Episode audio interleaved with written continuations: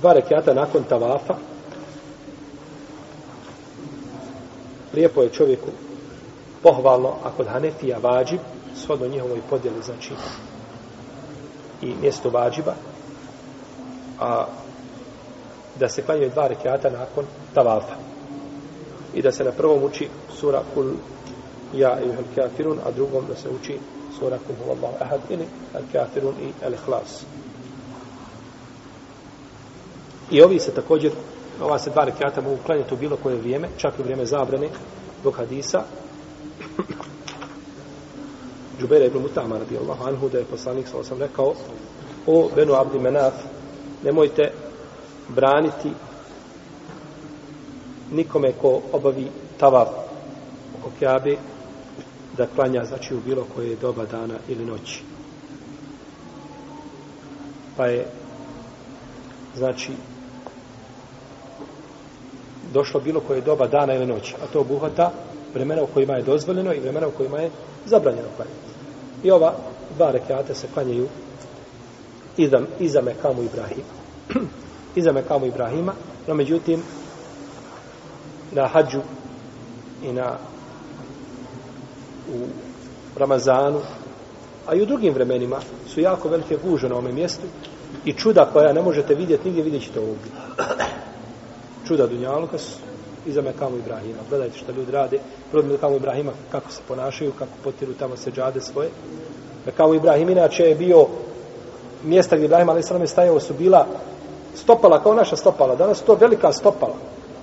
One čizme velike 48 koje još veće. Enes ibn Mali kaže vidio sam otiske njegovih prstiju. Tačno znači kako je stojao. Međutim, ljudi su toliko potirali da su toga napravili šta? Dvije rupe znači potirali i to danas rade, danas ne mogu do kamena, ali mogu, jer prije kamen bio otkriven, sada je kamen prikriven, znači ovaj stavljen je znači unutar e, ovaj jedne staklene obloge i tako dalje, no međutim, ljudi potiru znači po svemu što vide, po svemu što se može potirati. Inače, na hađu ovaj, mogu se vidjeti čudesa koja se mogu vidjeti na drugim mjestima. Ljudi dolaze na hađ ovaj, i, i na hađu se ponašaju kao da nisu došli da obave ibadet Allahu te barake o ta'ala. Ali mislim da nisu oni krivi, da to nije njihova krivica nego je to krivica ustanova koje ih vode. Ustanove koje vode hađije dužne su da hađije pouče da ih pouče propisima. U svim ili u većini tih ustanova je bitno da hađija šta?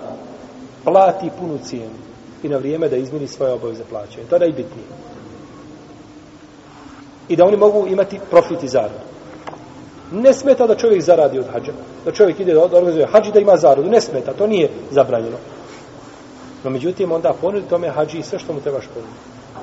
A ti si mu iskratio najveće njegovo pravo, a to je da ga poučiš čemu? Hađskim propisima. I koliko ljudi ide, ne zna ni gdje će ići. ni gdje će boraviti, ni gdje će spavati. Ni gdje, ništa. Nego samo sa ruljom. Kod rulja tu i on ide. Kad se vrati tek onda sjeća se on imena Arefat, Muzalifa, Min, on se sjeća toga, no međutim ovaj, a, nije, znači prije toga ništa toga poznao. Tako da je obaveza, znači ljudima da pouče ljude na hađu. Mi smo imali ove godine na hađu da je, su ljudi fizički napali jednog šehova ovoga umeta. Drugi da su noževe potezali negdje tamo ako nema mjesta za spavanje i tako dalje. Znači ljudi dolaze na na hađ, Allah zna kakvim nijetima, a uglavnom dolaze nepripremljeni. Tako da je